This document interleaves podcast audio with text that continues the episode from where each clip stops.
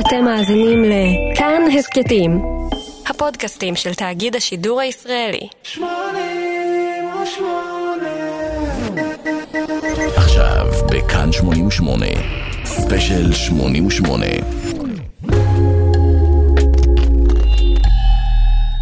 על הנייר, לייצר את Unplugged של אריק קלפטון עלה גרושים. אלבום ההופעה נמכר בהיסטוריה עלה גרושים. דרש מעט מאוד הכנה ואימונים, ומעט מאוד הוצאות. אבל, על פי קלפטון, אם אתם באמת רוצים לדעת כמה עלה במרכאות ליצור את האלבום הזה, לכו לסנט מרי מגדליין צ'רצ'יארד וחפשו את הקבר של בנו בן הארבע, קונר, לורן, קלפטון. שנת 91 הייתה השנה בה קלפטון חשב שזהו, הכל נגמר. מזה אני כבר לא אקום, אחרי הגמילה השנייה ב-1987 הוא חשש שהפעם הוא יחזור לשתות. הוא חשש שמותו הטרגי של קונור, שנפל מקומה 49, יגרום לו לשתות את עצמו למוות. אבל בפגישה של אלכוהוליסטים אנונימיים, קלפטון סיפר את הסיפור שלו, ובסוף הפגישה ניגשה אליו אחת המשתתפות. היא סיפרה לו שזה עתה הוא לקח לה את התירוץ האחרון לשתות. תמיד חשבתי, היא אמרה והמשיכה, שאם אחד הילדים שלי ימות, זה יהיה הטריגר שלי לחזור להתמכרות. אבל אם אתה יכול לעבור את כל מה שעברת ועדיין לא לשתות, אז גם אני יכולה. קלפטון כותב בספרו האוטוביוגרפי שזה היה הרגע. זה היה הרגע בו הבין שהדרך היחידה לכבד את זכרו של קונור היא להישאר פיקח ולהמשיך לחיות. Would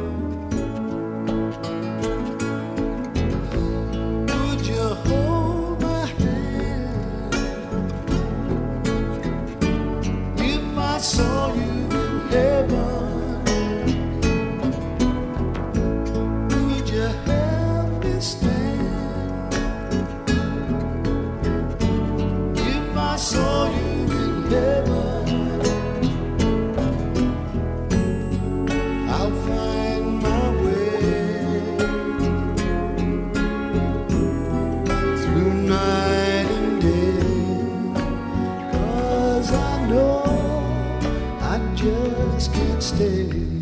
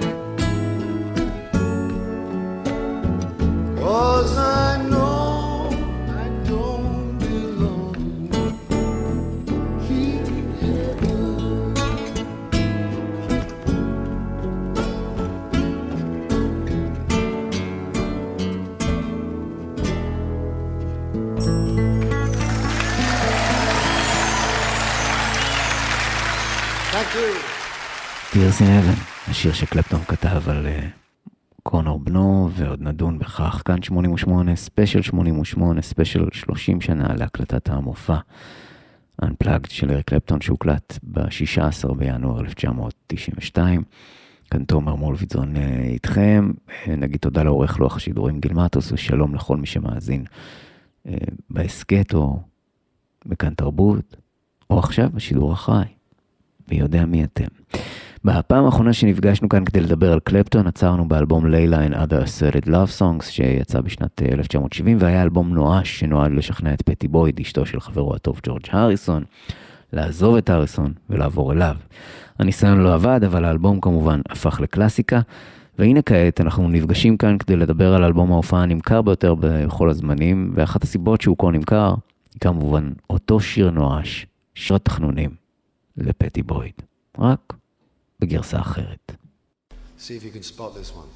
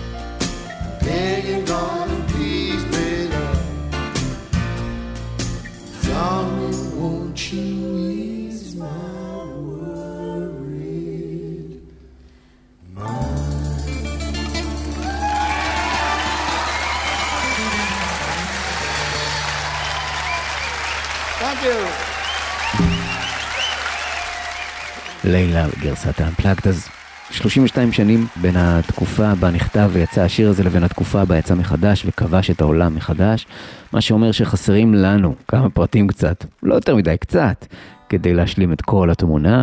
כמובן שלא נצלול להכל, אבל הנה תקציר אירועים אחרי שהפרויקט Derek and Dominos נכשל במטרתו המרכזית, אה, לשכנע את פטי בויד לעבור אליו. ואחרי מותו הטרגי של דוויין אולמן, שהפך בעת הקלטת האלבום לאח מוזיקלי עבור קלפטון, קלפטון התמוטט סופית. סוף שנות ה-60 ותחילת שנות ה-70 הכו בו מכה אחרי מכה. סבא שלו שהיה כמו אב עבורו נפטר, הנדריקס ודוויין מתו בנסיבות טרגיות, לצד כמובן גיבורי מוזיקה נוספים, ופטי, פטי בויד בחרה בהריסון, מה שערער לא מעט את החברות בינו לבין אריסון, וכמובן את הקשר שלו עם פטי. והוא הסתגר בביתו, הפסיק ליצור והתמכר להרואין ברמות קשות ביותר. במשך כשנתיים הוא נעלם מעין הציבור מסצנת המוזיקה הבריטית כשהוא מוציא את הראש מהכלוב לרגע אחד עבור הפרויקט של הריסון. מופע הצדקה הראשון של הרוק אנד רול ב Concert for Bangladesh, לו גיל מטוס הקדיש ספיישל לאחרונה, אז לא נרחיב כאן יותר מדי. הנה כמה צלילים.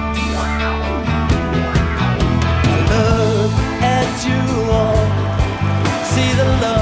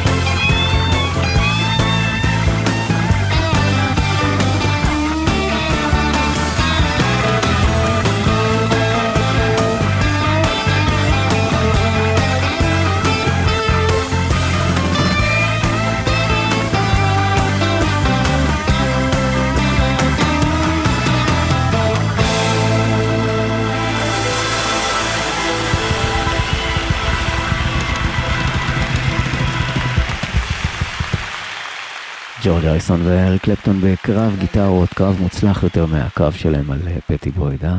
או על מה הגיטרה ג'נטלי וויפס בקונצרט עבור בנגלדש, ועם כמה שזו גרסה יפה, האמת צריכה להיאמר.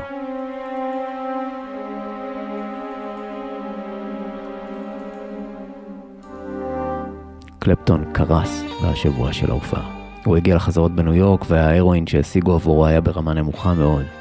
הוא נכנס לגמילה לא מכוונת בחדר המלון, מה שנקרא cold turkey, כן, גמילה אלימה, לא מכוונת, הגוף שלו קרס והוא בילה שלושה ימים של סיוט במלון.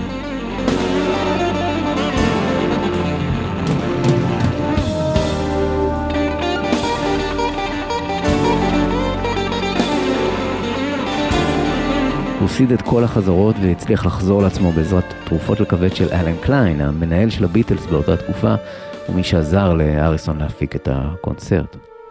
הוא הצליח להגיע לבלנס ולהופעה, אבל הוא מתבייש עד היום בהופעה שלו שם, וטוען, ובצדק, שהוא אכזב את כולם.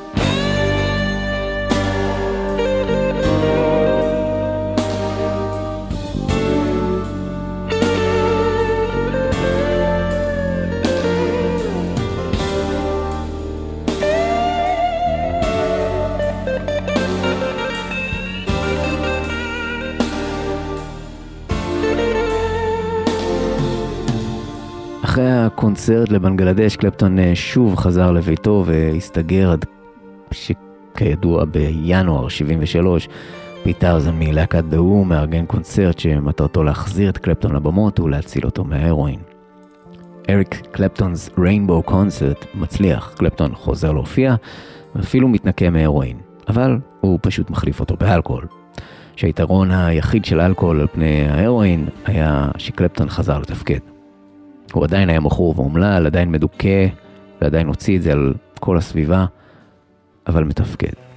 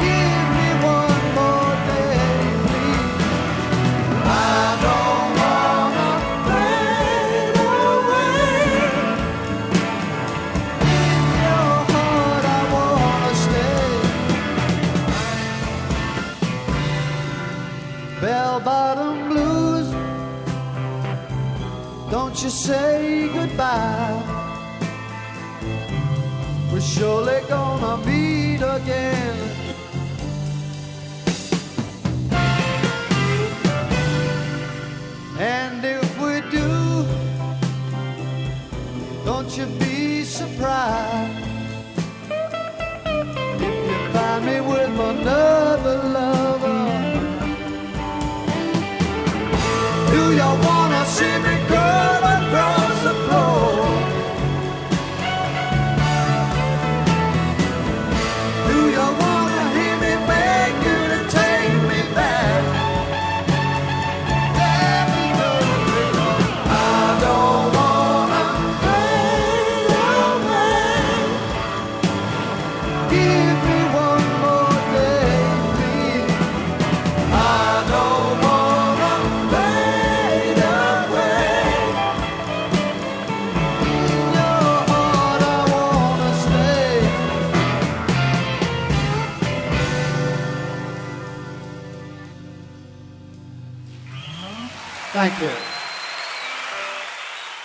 Bottom Blues, אריק קלפטון וחברים ב Rainbow Concert. כאן 88, ספיישל 88, 30 שנה ל unplugged של קלפטון, אבל אנחנו קצת משלימים פערים כדי להגיע אליו ולהבין יותר טוב את סוד ההצלחה שלו, ועצרנו ב-73 ב Rainbow Concert ושמענו את אה, קלפטון וחברים אה, שמנסים להציל אותו, מבצעים את אחד מאותם שירי תחנונים לפטי בויד או למי ששברה לו את הלב וריסקה אותו לחלוטין. אבל למה אנחנו חוזרים אליה עכשיו? ובכן, כי בשנת 74 היא מתגרשת סופית מהאריסון, שכן הפערים בין השניים גדלים, אריסון מעמיק בבודהיזם ורוחניות, והשניים מתרחקים. אריסון בין היתר בז למקצוע של פטי, הדוגמנות, הניסיונות שלהם להביא יחד ילדים לעולם כשלו וקרעו אותם לשניים, הבגידות ביניהם החריפו עד שזה נגמר סופית. אחרי שהם מתגרשים, קלפטון שוב מחזר אחריה. הפעם היא נהנית לחיזורים ונדמה שהחיים של קלפטון מתחילים לשוב למסלולם. הוא מוציא את האלבום המצליח אה, 461 Ocean Boulevard וחוזר בענק לעין הציבור. אבל מאחורי הקלעים הדרמות ממשיכות והיחסים ביניהם לא באמת היו מוצלחים. קלפטון גורר את בויד עמוק להתמכרויות שלו וגם היא מתחילה לשתות בכבדות. שנים אחר כך קלפטון יודע שברגעי התמכרות קשים הוא היה אלים כלפיה בצורה בלתי נסלחת. ולמרות הכל, השניים נשארים יחד. יש שם אהבה רעילה, אבל גם חזקה שקושרת את השניים לשנים ארוכות. ב-77 קלפטון מוציא עוד אלבום ענק ומצליח, Slow Hand, ובו אחד משירי האהבה היפים והמצליחים בהיסטוריה, שיר אהבה כמובן, לפטי בו.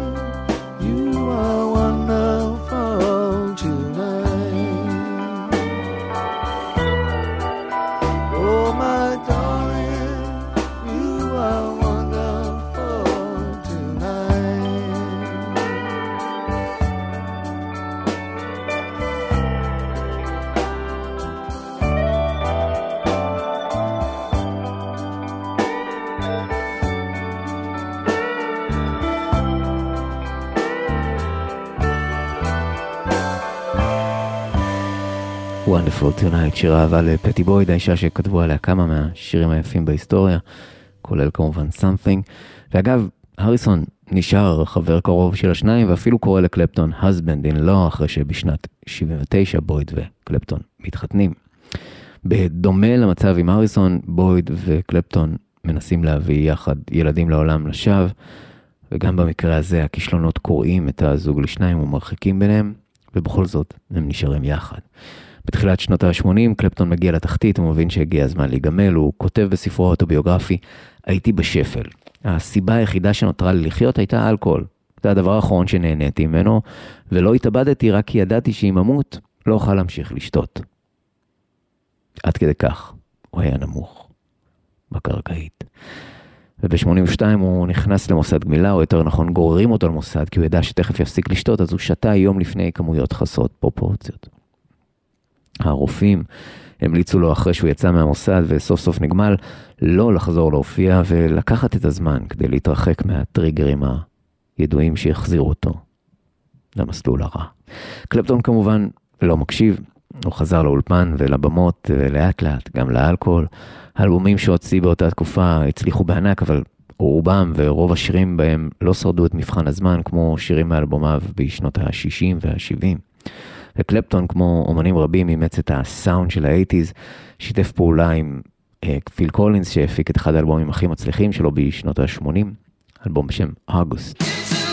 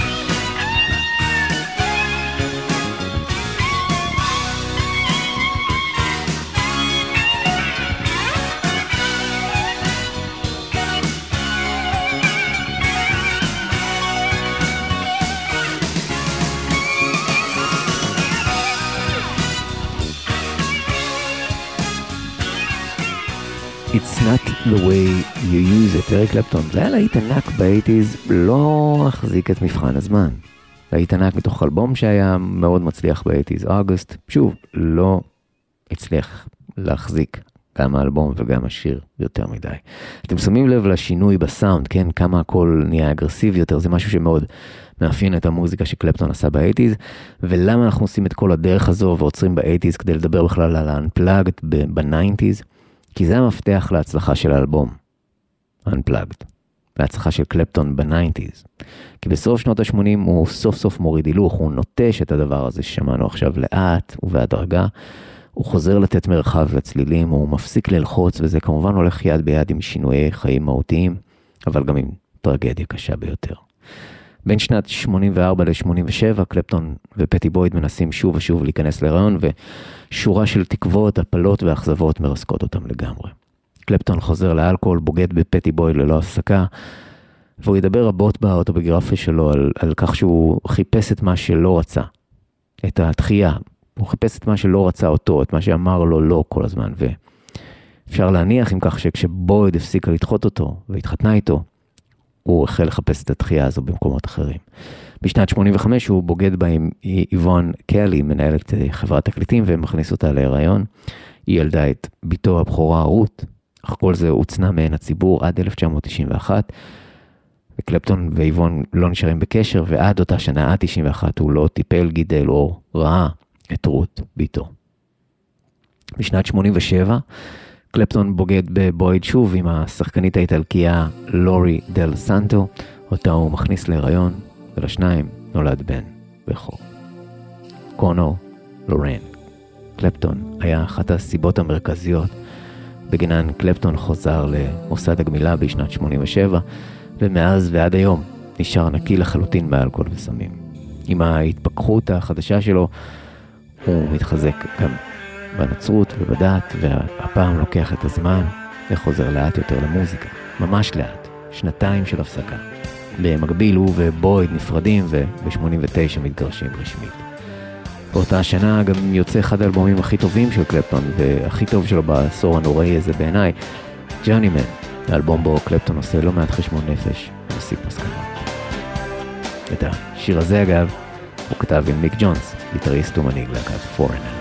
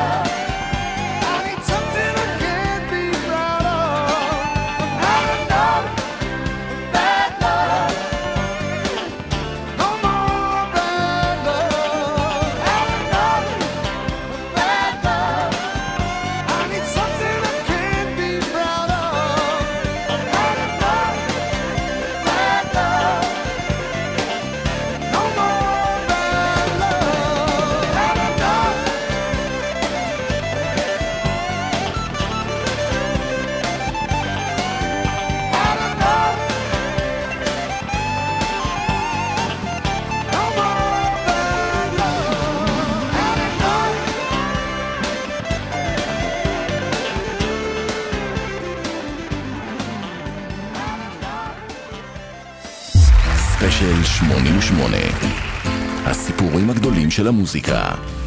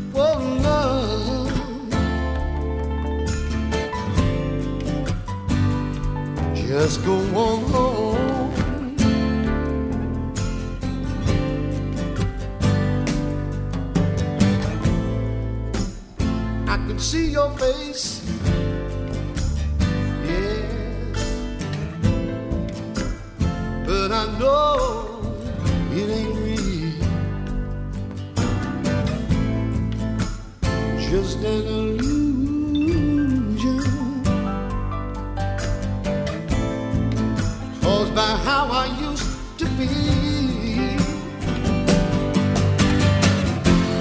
And it's making me so angry. I know now that the flame will.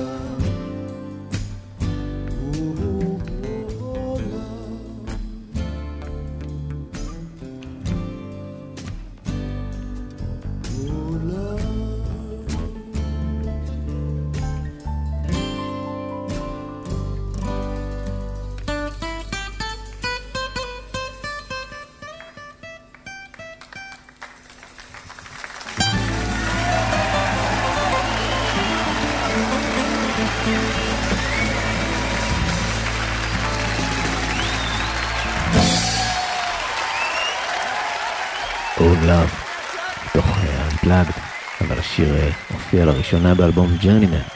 קלפטון כתב אותו יחד עם אה, מי שהפיק איתו את האלבום, ענק הבלוז רוברט קריי. שני הביצועים נפלאים, אבל כמובן שגרסת ה unplugged מנצחת בזכות אה, הפסנתרן צ'אק לבל, שעושה פה קסמים. לב- לבל אגב שיתף פעולה עם קלפטון בעוד כמה נקודות בקריירה, ויש ללבל אגב קריירה ענפה משלו, אבל אין לנו זמן להיכנס לזה. רוב הנגנים באל- באלבום Unplugged שיתפו פעולה עם אה, קלפטון החל מה-80's כבר, במיוחד הבסיסט נייתן איסט, שהולך עם קלפטון דרך ארוכה, הוא מנגן ב Journeyman. אה, הנה עוד שיר שהיה ב Journeyman וזכה לגרסה מופלאה ב-Unplugged. מי שכתב את השיר הזה עבור אה, קלפטון אה, הוא ג'רי ליין וויליאמס, שכתב עם קלפטון כמה שירים מאוד מוצלחים שלו, בעיקר בשנות ה-80. Running on Faith. Lately I've been running on faith. What else can a poor boy do? But my world would be right. Love comes over me.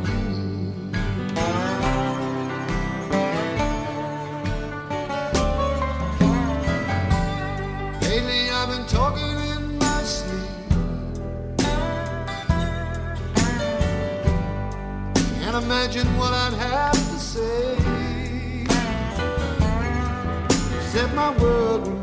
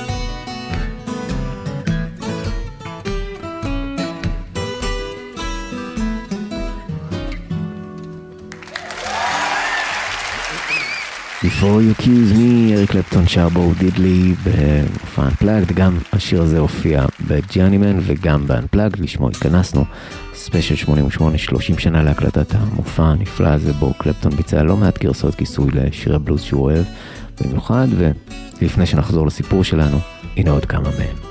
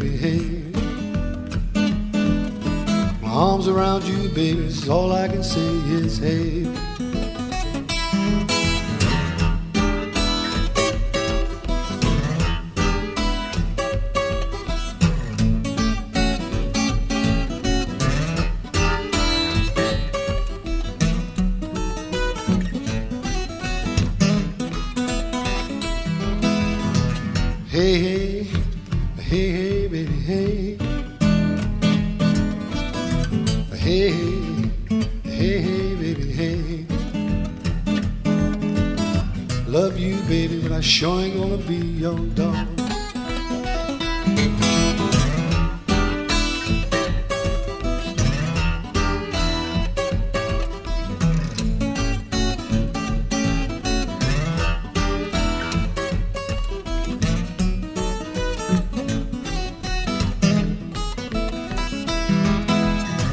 Hey, lost your good thing now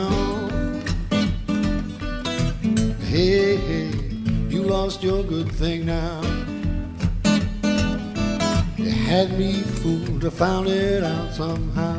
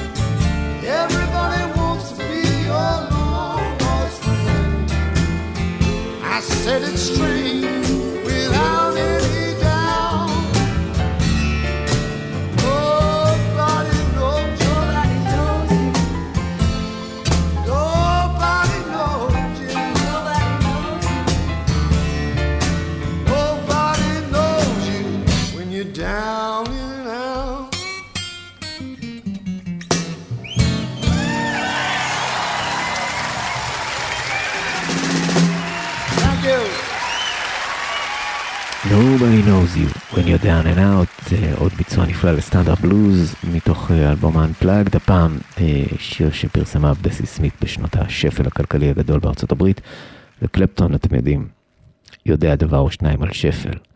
אבל שנות התשעים שלו דווקא התחילו בענק ובטוב, הוא נקי, יש לו ילד, אה, הוא ופטי כבר לא מתעללים זה בזו. הוא יוצא למסע מסעות, אה, מסע הופעות, אה, מסעות הופעות ניסיתי להגיד, הוא יוצא למסע הופעות אה, בלתי פוסק, הוא מארח מיטב אומנים שמתלווים אליו, מחממים אותו, מנגנים איתו, רוברט קריי, סטיבי ריי ווהן, באדי גיא ועוד. חלק מההופעות מתועדות וחלק מהן אוגדו באלבום ההופעה המוצלח אה, 24 Nights, אבל שוב, זמנים קשים באופק. כי בזמן מסע ההופעות של קלפטון ב-27 באוגוסט 1990, הגיטריסט סטיבי ריי ווהן עלה על מסוק יחד עם כמה מחברי הצוות של קלפטון. מזג האוויר היה אפלולי וקודר, ומספר דקות אחרי ההמראה המסוק התרסק על גבעה סמוכה. כל מי שהיה על המסוק מת מיד.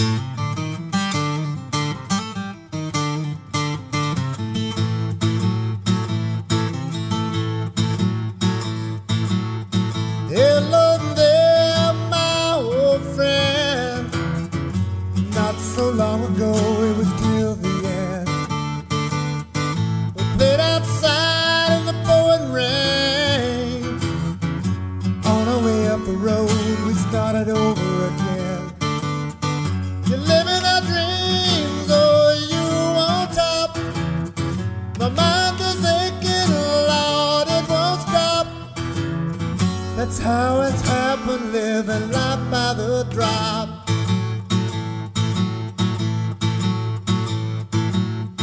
Up and down that road in our worn out shoes.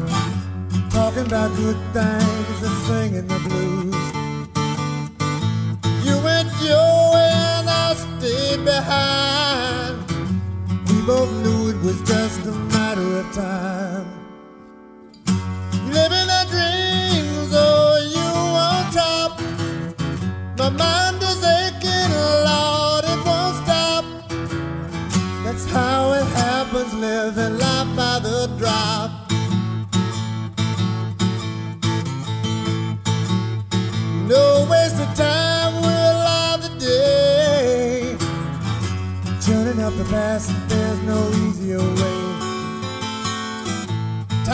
Between us, a means to an end. God, it's good to be here walking together, my friend. Living a dream. My mind's stopped aching. That's how it happened, living life by the drop. That's how it happened, living life by the drop.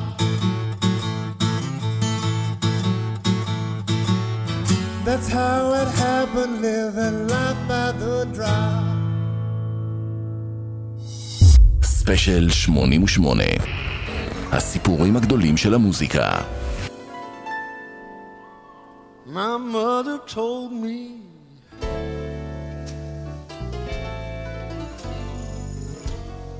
before she passed away. Said, son, when I'm gone, don't you forget to pray, cause there'll be hard times. For those hard times. And who knows better than I? Soon found out just what she meant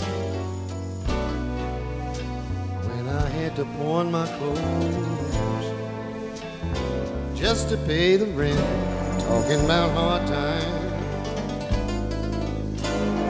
Those hard, hard times. Who knows better than? I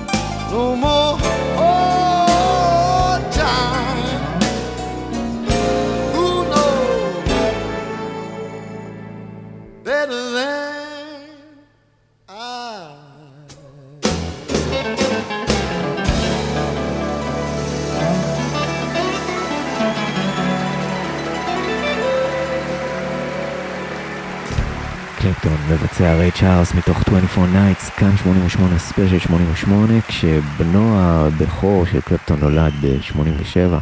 קלפטון כאמור נגמל מאלכוהול וסמים, אבל חשש מאוד מהקשר שלו עם בנו, לקח לו זמן להרגיש בנוח ולא לפחד. הוא גם היה במצב נפשי רעוע, הוא גם אה, חשש לחזור לאלכוהול, הוא חשש לפשל עם בנו. בכל פעם שהוא פגש את קונר, זה תמיד היה בפיקוח של אה, אימא של קונר. אה, הם כבר היו פרודים כמובן בשלב הזה, אבל אה, קלפטון לא הושאר לבד עם קונר, כי הוא לא סמך על עצמו. הוא חשש שהוא לא ידע מה לעשות, וכאן צריך להגיד, אביו של קלפטון ואימו נטשו אותו אצל סבא וסבתא שלו, יש שם צלקת קשה. אבל ב-19 במרס 1991, קלפטון סוף סוף היה מוכן לבלות עם בנו לבד. עבר מספיק זמן מהגמילה, הוא התחיל להרגיש בטוח וטוב יותר נפשית. הוא אסף את קונור מדירת אמו ולקח אותו לקרקס, והחזיר אותו בלילה, ואמר לה, אני מוכן מעכשיו לבלות איתו לבד, לדאוג לו ולגדל אותו בעצמי בזמן שהוא נמצא אצלי. והבוקר למחרת, 20 במרס 91, קלפטון התארגן לאסוף את בנו שוב, הפעם לגן החיות, כשלפתע הטלפון צלצל. וזו הייתה לורי, אמו של קונור, והיא צרחה בהיסטריה. קונור מת, קונור מת, קונור מת.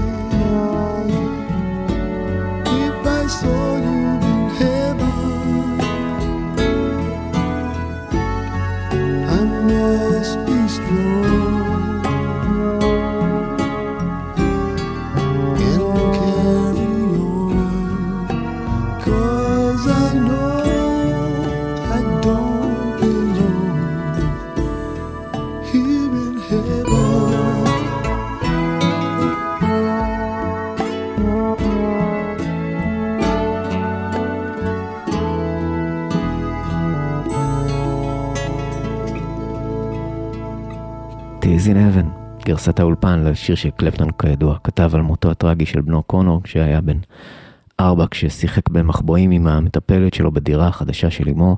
בדירה היו חלונות ענק מהרצפה עד התקרה, חלונות שלא נועדו להיפתח ועל כן לא היה מאחורי מעקה. הם נפתחו אך ורק לטובת ניקוי, ובאותו הבוקר, בוקר ה-20 במרס 1991, השרת ניקה אותם והשאיר אותם פתוחים לרגע. הרגע הזה היה הרגע בו קונור רץ להתחבא בחדר. הוא רץ ונפל מהקומה 49 אל מותו.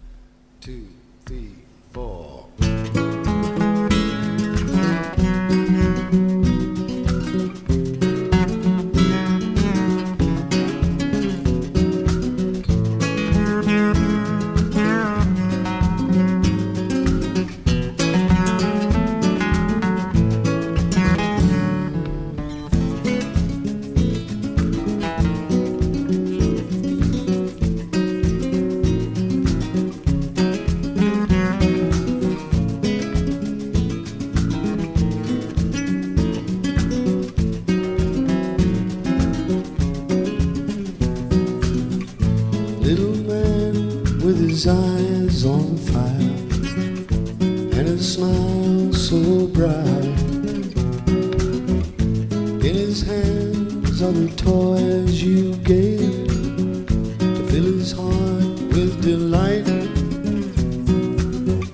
And in the ring stands a circus clown holding up a knife. What you see and what you will hear will last you for the rest of your life. And it's sad, so sad. There ain't no easy way round. And it's sad, so sad. All you friends gather round because the circus left.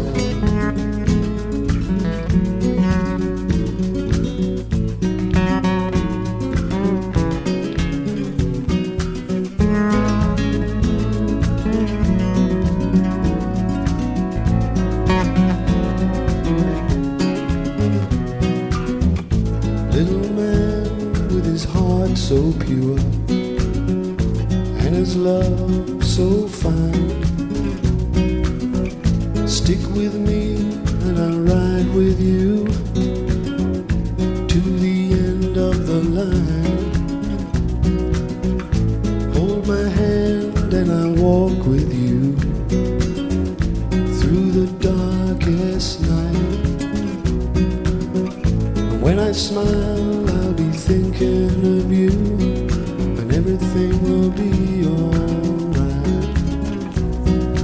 sad, so sad. There ain't no easy way round, and it's sad, so sad. All you friends gather round because the circus left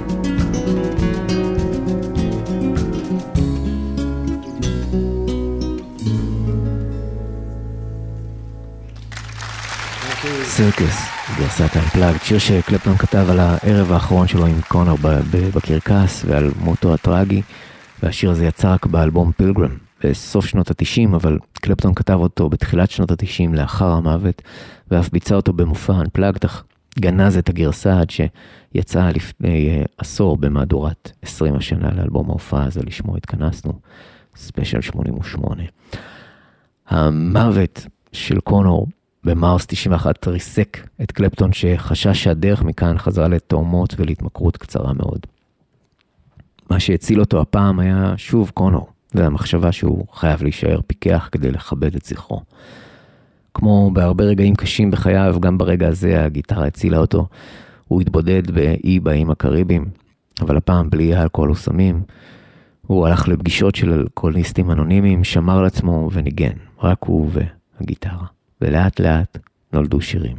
הראשון היה סרקס, אחריו הגיע עוד שיר שבוצע במופע אנפלקט פעמיים, אך הגרסאות נגנזו ולא ראו אור עד לפני כעשור עם חגיגות ה-20 למופע. קלפטון לא היה מרוצה מהביצועים, הם עדיין לא היו השירים, סרקס ו-My Father's Eyes, לא היו עשויים מספיק לטעמו. My Father's Eyes וסרקס כאמור יצאו בגרסת אולפן כבר ב-98 באלבום פילגרם. My Father's Eyes עסק בקש, בקשר הדם, בהיסטוריה והגנים שלא היו ידועים לקלפטון שמעולם לא פגש את אביו ועד היום לא יודע את זהותו האמיתית, אבל דרך עיניו של קונור הוא ראה, ראה את ההיסטוריה.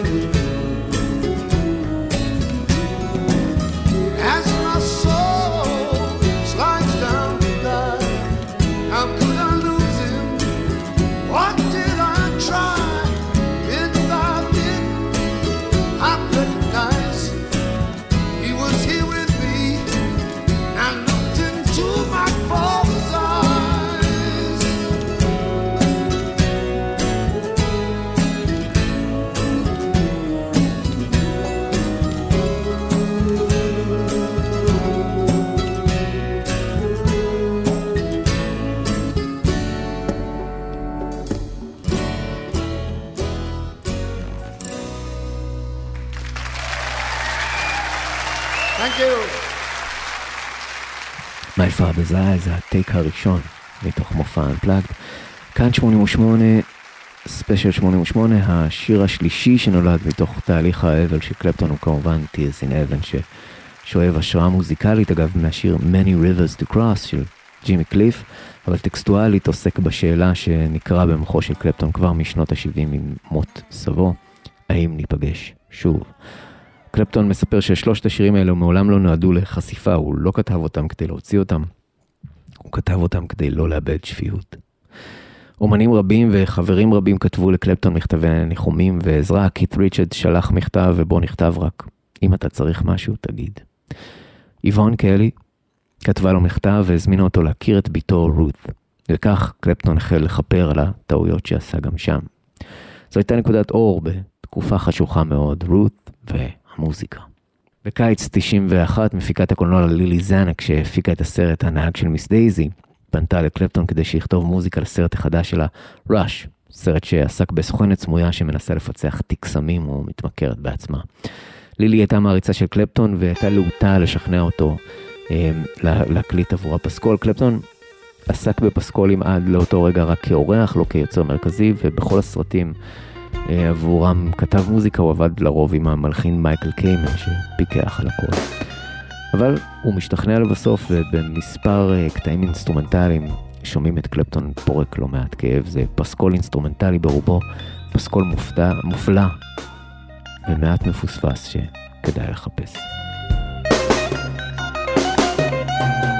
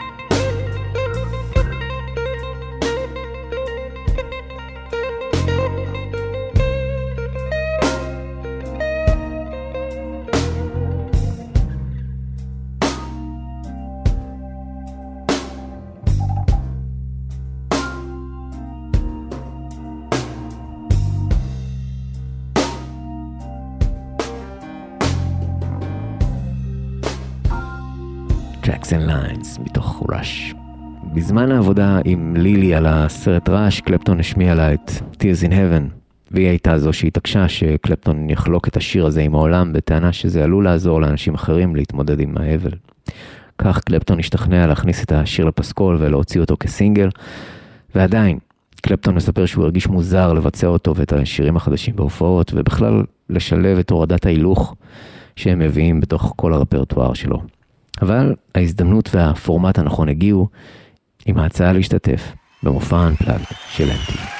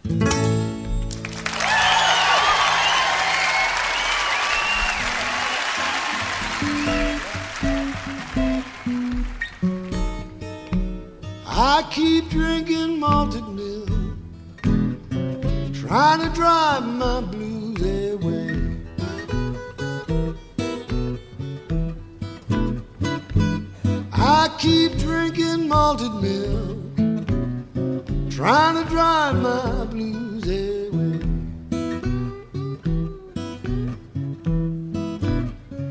Baby, you're just as welcome to my loving as the flowers is in me. Malted milk, malted milk, keep rushing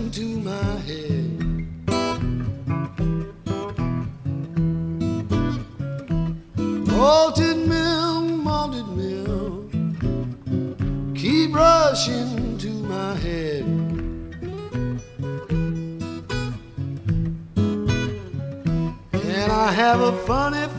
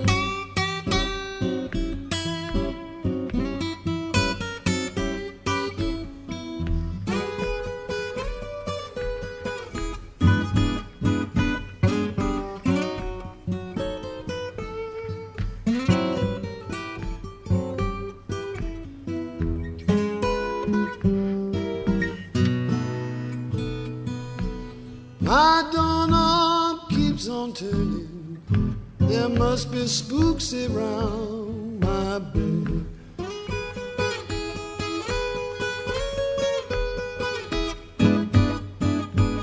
My doorknob keeps on turning. There must be spooks around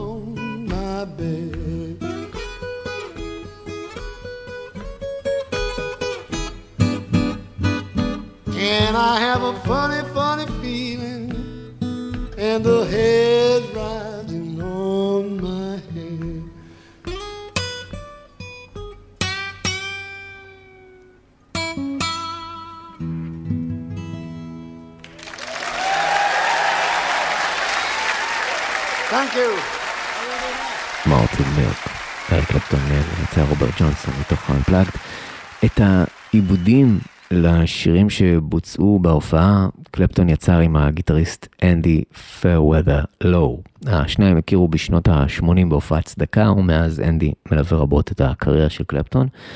ב-16 בינואר 1992, בהופעה קטנה ואקוסטית, קלפטון והלהקה חזרו לקלאסיקות בלוז, יצרו עיבודים אקוסטיים ללהיטים של קלפטון, וביצעו את השירים החדשים. בסוף ההופעה, קלפטון רצה לגנוז אותה, או לפחות לא להפיץ אותה על גבי אלבום.